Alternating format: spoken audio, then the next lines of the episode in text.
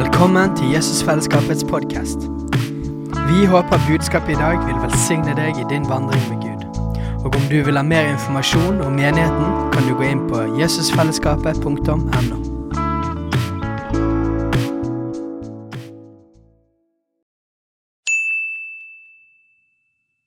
Hei! Visste du at Jesusfellesskapet starter en ny bibelskole til høsten? Den heter Jesusskolen og starter den 3. september. Gå inn på jesusskolen.no for mer informasjon.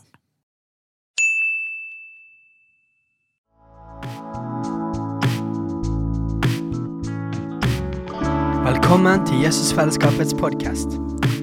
Vi håper budskapet i dag vil velsigne deg i din vandring med Gud.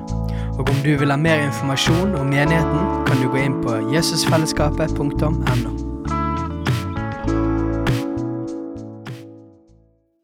All right. Da var vi kommet til meg, da. Da skal vi kanskje ta vekk kontonummeret, så ikke, ikke penger går foran forkynnelsen av ordet. Da vil, da vil vi få alle konservative lutheranere på nakken, men de har vi bare Sverre Skilbreid av, så det går veldig fint. Det var en intern spøk, så ikke, ikke heng dere opp i det.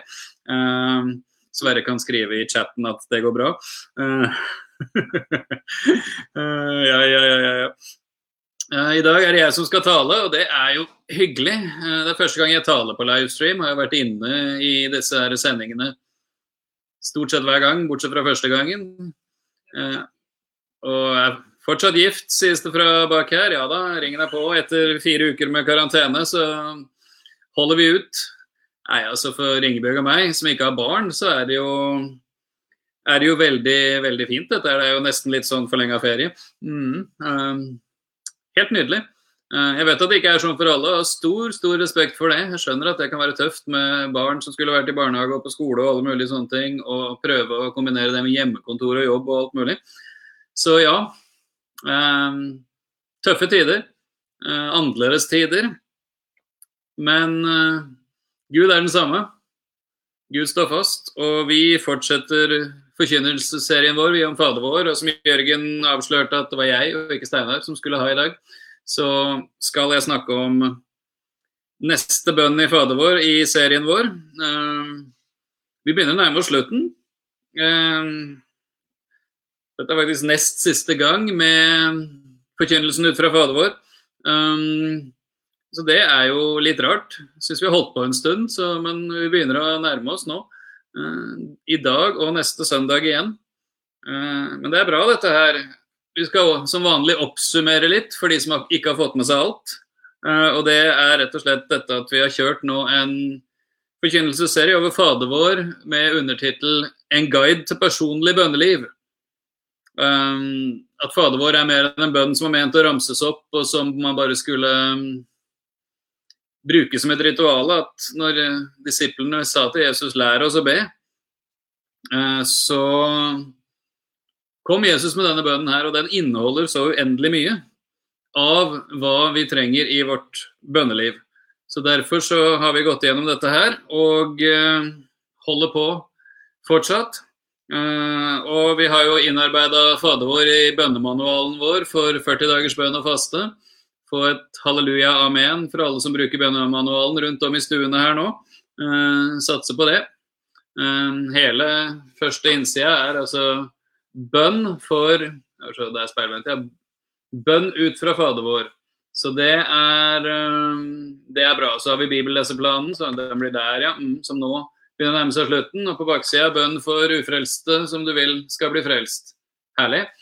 vi gleder oss over det. Og livestreamen nå på torsdag uh, klokka åtte om kvelden blir da avslutningen av 40 dager bønn og faste. Det er siste dagen. 9. april. Det kan jo legge noe profetisk der òg.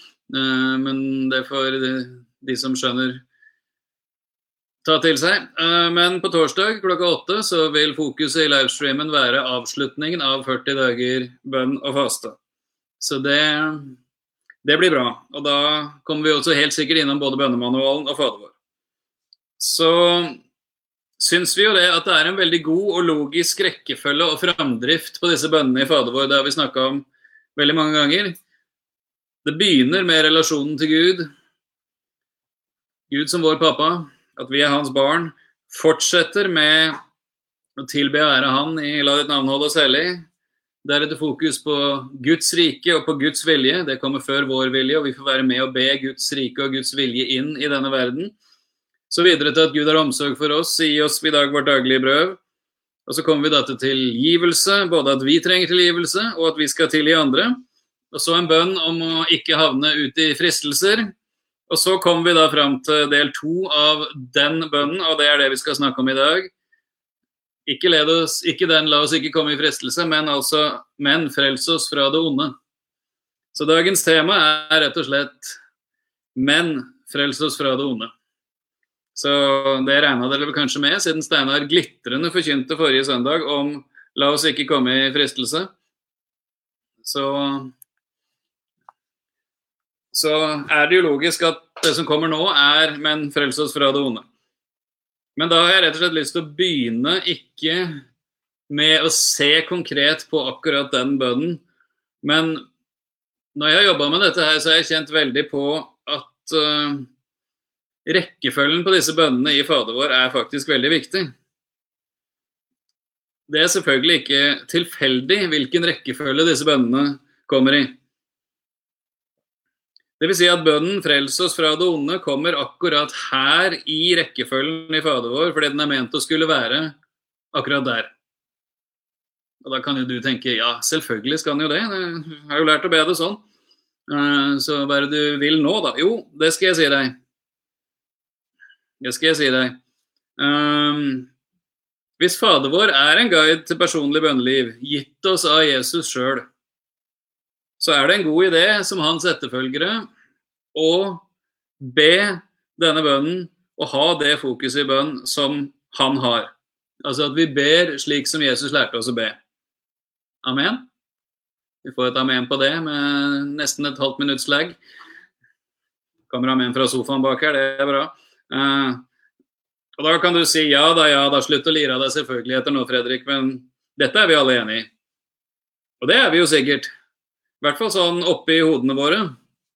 Men er det nå så sikkert at vi praktiserer dette i livene våre? Ganske enkelt fordi når det skjer noe vondt med oss eller med noen vi er glad i, eller med hele verden akkurat nå, hvis vi tenker koronakrisen og situasjonen, hvordan ber vi da?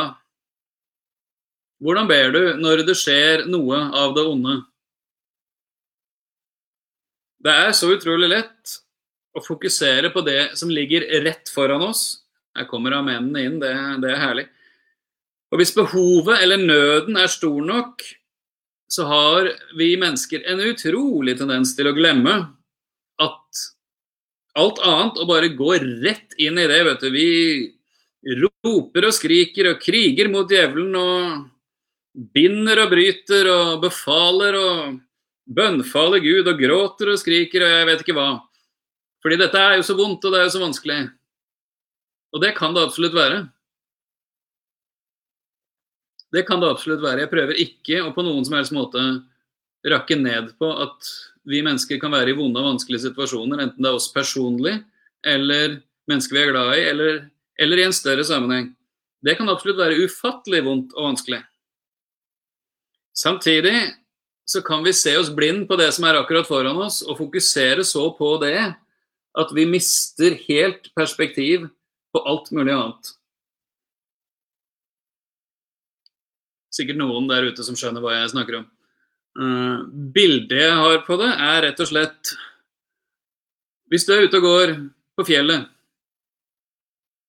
og plutselig kommer tåka, vet du. Du går, en fin sommerdag, sekk og niste og hele pakka, ikke sant, og alt er bare fryd og gammen, så kommer tåka. Plutselig er du innhylla i en sånn sekk, vet du. Du ser et par meter foran deg. Og alt som så helt klart og fint og greit og lett ut for et øyeblikk siden, er plutselig helt borte. Og du aner ikke hvor du er omtrent. Du vet ikke liksom Omtrent er jeg på stien, og så går jeg i den retningen jeg skal. Jeg så jo et stup litt lenger bort her, og det var et vann og en bekk. Hvor er jeg på vei hen, liksom? Um, og da kan vi jo begynne å rote rundt og famle rundt da, i tåka. for å finne veien. Men det funker jo veldig dårlig, da. Tro det eller ei, så har jeg bakgrunn fra gamle dager, fra speideren. Og det, det vi lærte oss der, er kart og kompass, vet du. Kart og kompass er tingen. Skal helst gjerne ha sett på det før tåka kommer òg, da, men uh, Løsningen når du er inne i en tåke, er ikke å prøve å famle rundt for å finne veien. Løsningen når du er inne i tåka, er å finne fram kart og kompass. Sette det punktet der du visste at du var. Sette kompasset. Finne nord. Og da finner du retningen. Og så går du i den retningen ut fra hva kartet og kompasset sier. Og bildet her er jo rett og slett det at kartet, tenker jeg, for oss som kristne, det, det, det, er Bibelen, det er Guds ord. Kompasset, det er Den hellige ånd, Den hellige ånds ledelse, relasjonen til Gud. Og De to må du ha. De to må du ha uansett hva du går inn i. Og det vil altså si, Hvis vi skal ta rekkefølgen i Fader vår på alvor, så er det slik at når det skjer noe vondt og vanskelig Ikke sånn nå skjer det noe som er forferdelig, så nå må jeg bare begynne å be akkurat nå. Men når det skjer et eller annet, det er en vanskelig, en utfordrende situasjon, så skal vi for det først fokusere på at Gud er vår pappa. Først fokusere på intimiteten med Han. Kjenne på at alt er godt og i orden i min relasjon med Gud. Hvis det er noe jeg trenger å rydde opp i, tilgi eller til, be om tilgivelse for, eller sånne ting. Ordne opp i sånne ting. Og så være åpen for hans ledelse. Fordi da vil du også kunne få åpenbaring inn i situasjonen.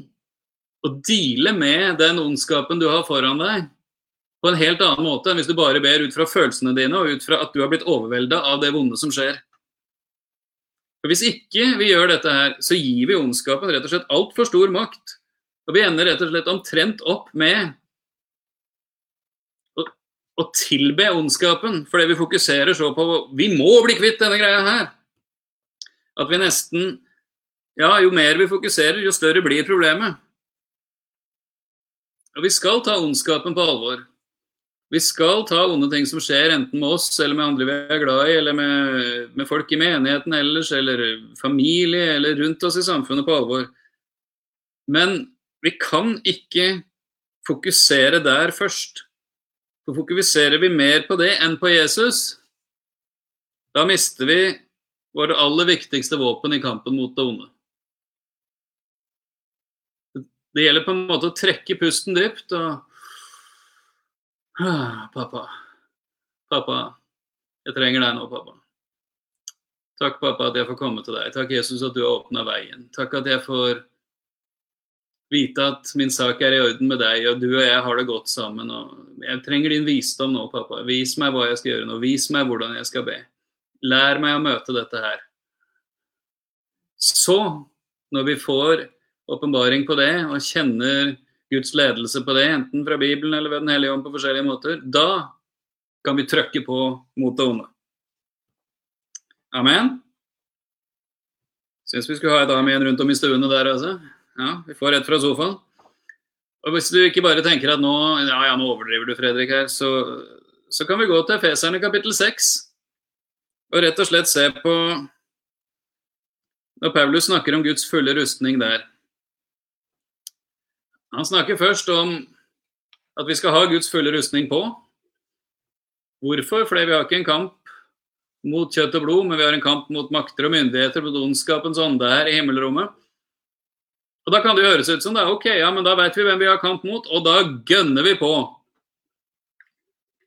Jeg har oppdaga fienden, så nå tar jeg fram alt fra spretterten til kanonen og skyter i vei. Nei. Paulus sier Ta derfor Guds fulle rustning på, så dere kan bli stående etter å ha overvunnet alt. Og Hvis du ser på denne fulle rustningen som Paulus beskriver i Efeserne 6, så er alle utenom det siste punktet defensive eller beskyttende. Ikke defensive i negativ betydning, men de er forsvar, og de er for å forsvare oss. Sannhetens belte om livet må vi ha. Rettferdighetens brynje. fredens sko, troens skjold, frelsens hjelm. Og så kan vi gripe åndens sverd, som er Guds ord, og gå til kamp. For da er vi beskytta, og vi vet vi har autoritet, og da kan vi gå til kamp. Hvis ikke, så kan vi fort ende opp som uh, såra soldater som virrer rundt på slagmarken og ikke veit hvor pilene kommer fra, og ikke veit hvem som skyter hvor, og vi, vi bare liksom fekter rundt for å slå ned den Det blir akkurat som å slåss med fluer, ikke sant? Og det er akkurat det djevelen vil. Han kalles ikke fluenes herre for ingenting, eller Beelzebul, som det står. Uh, så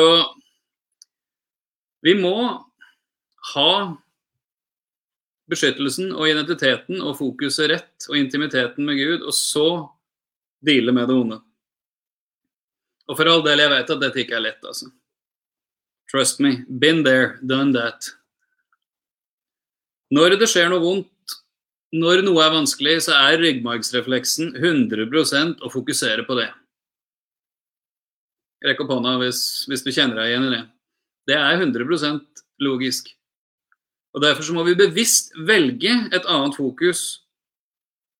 Skal vi få et annet resultat enn at vi bare prøver å fekte etter disse fluene. Og Det er her jeg mener at Fader vår lærer oss dette her. Fokuset på det onde er faktisk nest siste bønn. Og rett etter det kommer tilbedelsen av Gud, for riket er ditt og makten og æren i all evighet. Amen. Altså, Fokuset på det onde er en bitte liten del av Fader vår. Og jeg syns det sier noe om at sånn skal det være i våre liv også. Vi skal ikke gi ondskapen og djevelen mer oppmerksomhet enn det fortjener. Og når vi gir det oppmerksomhet, så skal det være ut fra rett utgangspunkt. Eller som Hebreerbrevet sier i begynnelsen av kapittel 12, at vi skal legge av oss det som tynger. Ondskapen, byrder vi bærer på. Og synden, ja, legge den ved korset. Og feste blikket på Jesus, troens opphavsmann og fullender. Hvorfor? Fordi da kan vi løpe med tålmodighet i den kampen vi har foran oss. Altså ikke, ikke med blikket festa på ondskapen, ikke med blikket festa på problemene, ikke med blikket festa på at jeg må finne en løsning på alt det vonde og alt det vanskelige, men med blikket festet på hvem? Ja, dere vet jo det. Jeg er jo predikant. Så det er Jesus. Med blikket festa på han, da kan vi løpe med tålmodighet i den kampen vi har foran oss. Nå skal vi ha et halleluja rundt om i de mange hjem. Halleluja, ja. Ingebjørg er hyggelig her og sier halleluja fra sofaen. Uh, så dette syns jeg er veldig viktig. I tillegg så er det også en annen ting jeg har lyst til å si om rekkefølgen på bønnene i Fader vår. Så lar vi denne biten her synke inn. Fokuser mer på identitet, mer på relasjonen med Gud, mer på at den er i orden, og få hans ledelse, og så kan du ta kampen opp mot ondskapen. tror jeg at denne bønnen prøver å lære oss. Men en annen ting som har med rekkefølgen i Fader vår å gjøre, er at de bønnene som kommer rett før med en frelses fra det onde, de, de, har veldig mye med saken å gjøre. De to bønnene som kommer før, er 'tilgi oss vår skyld', som, eller skal vi se, nå skal vi få det ordentlig fra bønnemanualen her. Tilgi oss våre synder, slik også vi tilgir de som synder mot oss, og la oss ikke komme i fristelse, men frels oss fra det onde. Og Det er viktig at disse tingene kommer i den rekkefølgen. Ganske enkelt, for det er de tre tingene som vi ber om før vi kommer til frelse oss fra det onde, som faktisk slapp ondskapen inn i verden. Og de tre tingene er med på å opprettholde og utvide ondskapens makt. Næ, hva mener du nå, da? Jo, nå skal jeg fortelle deg hva jeg mener. Det var ikke djevelen som slapp ondskapen inn i verden. Var det vel? Var det djevelen som slapp ondskapen inn i verden? Djevelen bare bestemte seg for nei, nå skal jeg gjøre synd og elendighet, død og sykdom og plage til hverdagen for alle mennesker. Og så kunne han bare gjøre det. Nei, han kunne ikke det. Det var mennesket som synda, som slapp ondskapen inn i verden. Og hvorfor synda mennesket? Fordi mennesket lot seg friste. Så enkelt. Og dessverre så vanskelig. Dette er det som åpna døra for ondskapen inn i verden. Og når vi ber 'frels oss fra det onde', så finner vi i de bønnene før en oppskrift på mye av det. At vi ber om beskyttelse fra fristelser. Og at hvis vi gir etter for fristelser og synder, så, så tilgi, ber vi om tilgivelse og ordner opp, så vi blir rensa i Jesu blod og blir ferdig med det. Og hvis andre synder mot oss, vi blir altså utsatt for ondskap, så er første steg på vei til frihet fra det andre har gjort mot oss, det er faktisk å tilgi de som har synda mot oss. For Hvis ikke, så kan vi bli frista til å holde fast på utilgivelighet og bitterhet. Og det gir ondskapen enda mer makt og rom. Hvis ikke du tror meg, så kan du lese um, Efeserne 427. Der står det 'Å gi ikke djevelen rom'. I verset før så står det 'Å la ikke solen gå nedover deres vrede'. Og hva, hva vil det si? Å, jeg er så sint for det som har blitt gjort mot meg. Jeg er så sint. Og det, disse menneskene, denne personen, og det den sa, det den gjorde mm, ha, ho, jeg har så rett til å mm, mm, Ja, du skjønner hva jeg mener? Da gir du djevelen rom. Lar du solen gå nedover din vrede, så går din vrede over til å bli utilgivelighet og bitterhet, og da ender du opp med en god årgangsvin som Bibelen kaller en bitter rot, som besmitter hele legemet. Og Det gir mer rom for ondskap i både våre enkeltliv og i sammenhenger. Menigheter, familier, arbeidsplasser, you name it. Altså, jeg vet ikke åssen det er med deg, jeg. Det står i 1. Korinterbrev 13, som vi alle liker, at kjærligheten ikke gjemmer på det onde. Noen av de menneskene jeg syns det er vanskeligst å omgås, og jeg er en forholdsvis omgjengelig fyr, om jeg må si det sjøl, er mennesker som gjemmer på det onde. Jeg kjenner mennesker, har kjent mennesker, som nesten uansett hvem du snakker om, så kommer det fram et eller annet de er sur på den for, eller øh, oppgitt over den for, eller et eller annet, et eller annet sånt. Det er ikke godt, altså. Det sprer ikke lys og liv og glede. Absolutt ikke. Sånn at skal vi frelses fra det onde, så må vi bekjenne våre synder når vi synder. Vi må tilgi de som har synda mot oss, og vi må be om beskyttelse så vi ikke kommer i fristelser. Og når vi har gjort det, da er vi rensa og rene, og da er vi klar til å kjempe mot det onde, og vi kan i oppriktighet be Gud om å frelse oss fra det onde. Høres det ut som en god plan? Det er faktisk en god plan. Ingebjørg sier mm her borte, så, så det er bra. Men ok, kanskje du nå tenker ja, men kjære Fredrik, skal du ikke komme til selve denne bønnen, da? Jo, venner. For vi er vel venner, for dem jeg trøkka litt på her, er vi ikke det? Nå skal vi komme til selve bønnen. Frels oss fra det onde. Endelig, tenker dere rundt i stuene. Men for meg så var det uendelig viktig å ha på plass de to tingene der som går på rekkefølgen av disse bøndene først. Og det håper jeg at dere skjønner at det var. Ganske enkelt fordi fristelser og synder, enten vi gjør de sjøl eller andre gjør de mot oss, slapp ondskapen inn i verden, gir den makt både i enkeltmennesker, i familier, i samfunnet og overalt.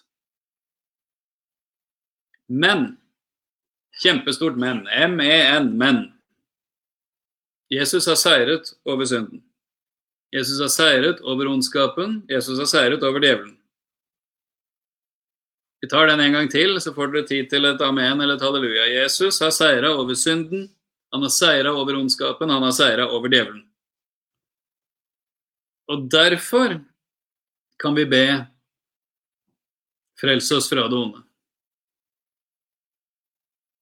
På grunn av det Jesus har gjort.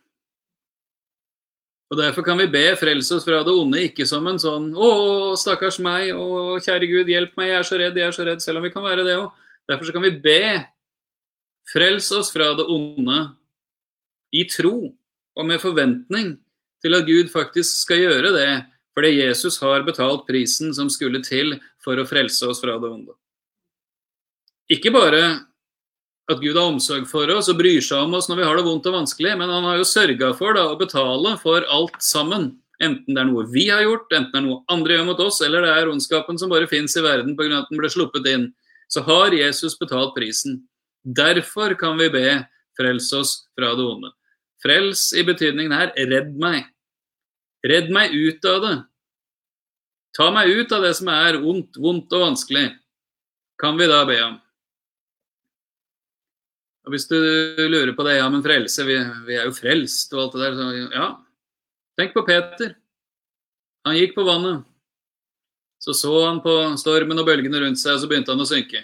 Der har du fokus på bondskapen igjen, vet du. Det, det, var, det var et ekstrapoeng, det hadde jeg ikke tenkt på før nå. Men når han begynte å synke, så roper Peter, 'Herre, frels meg, jeg går under'. Altså, 'Herre, redd meg', fordi jeg går under. På samme måten, frels oss fra det onde. Og Jesus har gjort alt som skal til for å frelse oss fra det onde. Vi skal lese sammen Kolossebrevet kapittel 2, vers 13-15. Kolosserne 2, 13-15. Dette er nydelige vers, altså. Også dere var døde ved deres overtredelser og uomskårne kjød. Sånn var vi altså før vi ble frelst. Men Gud gjorde dere levende sammen med Kristus idet han tilga oss alle våre overtredelser. Der har du tilgivelsen for syndene. Han utslettet skyldbrevet mot oss som var skrevet med bud, det som gikk imot oss. Det tok han bort da han naglet det til korset. Han avvæpnet maktene og myndighetene og stilte dem åpenlyst til skue da han viste seg som seierherre over dem på korset.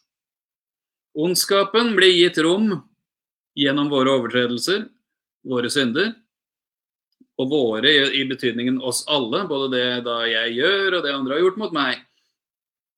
Men alt sammen tilga Gud, og skyldbrevet, det som var skrevet, all vår skyld, ble nagla til korset med Jesus. Og da blir maktene og myndighetene avvæpna, stilt åpenlyst til skue, og Jesus blir seierherre. Ganske enkelt fordi når Jesus har betalt for synden, når Jesus har betalt for skylden, så mister ondskapen sin makt. Fordi det er synden som gir ondskapen makt, som gir djevelen makt. Når Jesus betaler prisen på korset for hele greia, så avvæpner han maktene og myndighetene alle konsekvenser av synd, alle konsekvenser av syndefallet, nagla til korset med Jesus, og med det all ondskap. Og Derfor behøver vi aldri å lure på om noe ondt som skjer oss, er Guds vilje. Når det står 'frels oss fra det onde', så, så betyr det ondskap i alle slags former. Grunnordet der er en blanding av å være plaga være fortvila, være fattig, være uten løsninger, være uten mulighet til å hjelpe seg selv i en, i en vanskelig situasjon. Og sånn var vi. Så sendte Gud Jesus, og derfor og gjorde det han gjorde, og derfor kan vi med frimodighet både be for oss sjøl og for andre frels oss fra det onde. For Jesus har betalt prisen for det. I dette ligger det å be denne bønnen ligger det både redning fra vonde og vanskelige situasjoner vi er i, og en bønn om beskyttelse fra å havne i vonde og vanskelige situasjoner. Og Derfor er det utrolig viktig å be denne bønnen. Be om Guds beskyttelse hver dag over deg sjøl, familien din, arbeidsplassen din, naboene dine, alle de du er glad i, eller hele verden òg. Hele verden trenger Guds beskyttelse. Det er viktig, og det er riktig. Og, og vi ber og vi henvender oss til Han som har betalt prisen for at vi skal få denne beskyttelsen. Samtidig, hvis vi skal snakke sant, og det skal vi jo Vi liker å snakke sant. I enkelte kristne sammenhenger så er det blitt et honnørord, det å snakke sant om livet. Eh, høres ut som alle andre lyver om livet, at det bare er de som fokuserer på elendigheten som snakker sant. Det er jo heldigvis ikke hele bildet.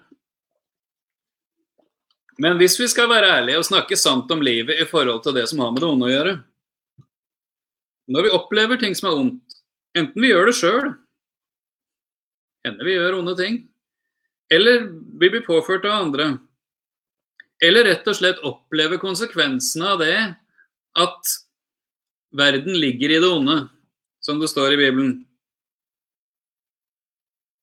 så er det da rett og slett slik at vi slipper ikke alltid unna, vi heller, skjønner du. Å være en etterfølger av Jesus og følge han er ikke noe garanti for aldri å oppleve det onde. Noen tror det. Noen tror at det å bli en kristen, bli frelst om du vil, begynne å følge Jesus, da seiler vi på en fjøl overalt og gjennom alt og forbi alt uten et enda problem lenger. Da hadde det vel ikke vært nødvendig å be 'frels oss fra det onde? Hadde det det? Da hadde det vært automatisk, da.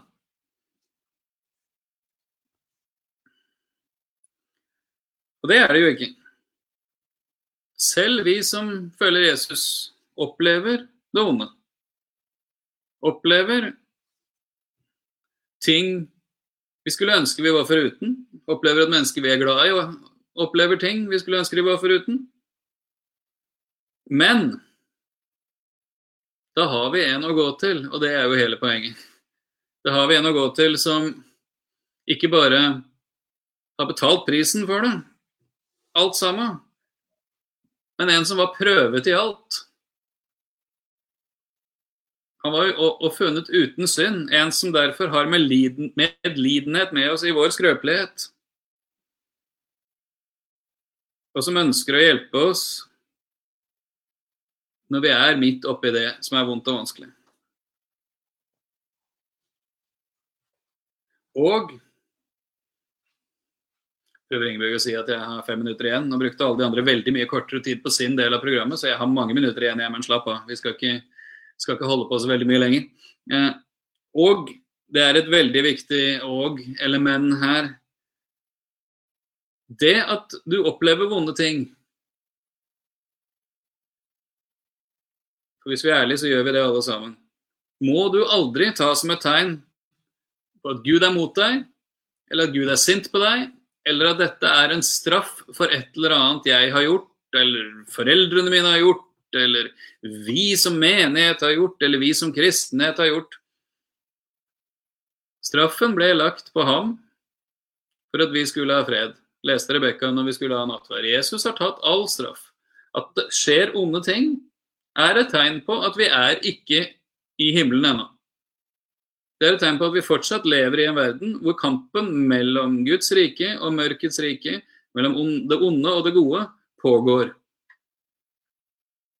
Og det er enda viktigere å søke inn til Gud når vi opplever det onde. For da gir bønnen 'frels oss fra det onde' mening på en helt annen måte enn bare å be den når alt er bra. Eller som en jeg kjenner sa en gang for mange år siden For de fleste nordmenn så er jo ikke bønnen 'gi oss i dag vårt daglige brød' så veldig relevant, for du har som regel fryseren full av mat. Men den blir veldig relevant den dagen lommeboka er tom, kontoen er tom og fryseren er tom. Da blir det en veldig reell og konkret bønn. Og på samme måten, det er jo nettopp når vi opplever det som er ondt, at det blir veldig relevant å be frelse oss fra det onde. Ikke fokusere på hva galt har jeg gjort, hvorfor skjer dette meg? Mange ting skjer uten at vi aner hvorfor. Vi lever i en verden hvor det skjer onde ting, selv med gode mennesker. Og Hvis vi begynner å spekulere i hvem sin skyld det er, hva har jeg gjort feil, hvem andre har gjort feil, da fokuserer vi feil igjen, på akkurat på samme måten som å fokusere på ondskapen før vi fokuserer på Gud. Da igjen skal vi søke inn til Gud, søke inn til Jesus, søke inn til Han som har betalt prisen for alt det onde, og som har forståelse og medlidenhet og omsorg for oss, og be om visdom og hjelp til å bli redda ut av situasjonen ved hans inngripen. Og kanskje vil han åpenbare for deg om det er ting du har sagt eller gjort, eller andre har sagt eller gjort mot deg, eller ting du skal gjøre, eller sånne ting. Og det er bra, men la det være han som åpenbarer det for deg. Du har ikke løsningen på frelse oss fra det onde. Jesus er løsningen på frelse oss fra det onde, for det er han som har betalt prisen, og det er bare han som kan gjøre det.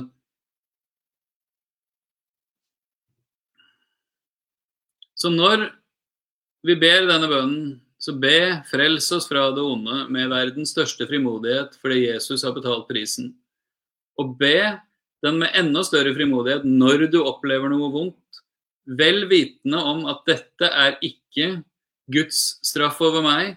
Dette er ikke noe som skyldes at jeg eller noen andre nødvendigvis har sagt eller gjort noe galt. Men dette er noe som skjer fordi vi lever i en verden hvor det skjer onde ting.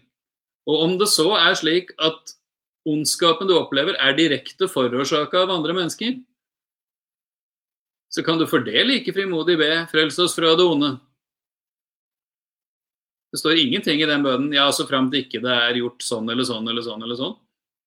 Frels oss fra det onde. All ondskap. All ondskap. Uansett hva du opplever som er vondt, eller noen du er glad i opplever som er vondt, eller noe hele verden opplever som er vondt, så la oss med frimodighet søke inn til Han, til Pappa Gud, til Jesus, til Den hellige ånd, og be om frelse fra det onde. Og be om Guds inngripen og Guds nåde og hjelp.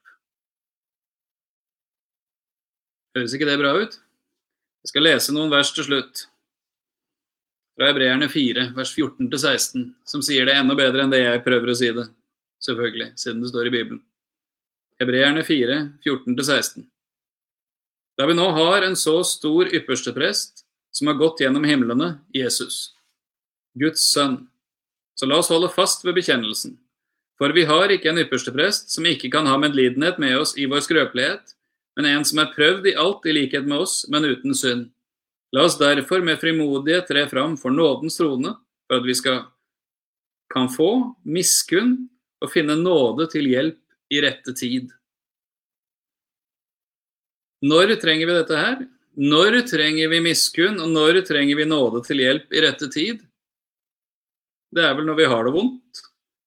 Når vi trenger Guds medlidenhet i vår skrøpelighet, når vi opplever det som er vondt og vanskelig, når vi opplever prøvelser, så kan vi med frimodighet tre fram for nådens rome og få miskunn og nåde til hjelp i rette tid fra Han som frelser fra det onde, og som har medlidenhet med oss, for han har vært prøvd i alle ting, og han skjønner at dette livet ikke alltid er lett, og ikke alltid er å håndtere på egen hånd, og det var ikke meninga heller. Det er derfor vi tilhører han, får gå sammen med han og stole på han som kom, ikke bare for å gi oss tilgivelse for våre synder, selv om det er helt fantastisk, ikke bare for å frelse oss og gi oss et evig liv, men som også kom for å frelse oss fra det onde. Og selv om kanskje den endelige frelsen fra ondskap ikke kommer helt og fullt før Jesus kommer igjen, eller vi er i himmelen, så skal vi få oppleve mer og mer at han frelser oss fra det onde. For det er hans hjerte, og det har han betalt prisen for. Amen. Hei, alle sammen. Det er Katrine og Steinar Lofnes her. Vi er hovedledere for Jesusfellesskapet. Så kjekt du har lyttet til denne podkasten. Har du forresten hørt noen av de andre podkastene våre? Ukens tale, Disippelskolen, Hyrdepodden, Kulturkrigen og Mammas hjerte. Du finner disse podkastene på Spotify, Apple Podkaster og på nettsiden vår jesusfellesskapet.no.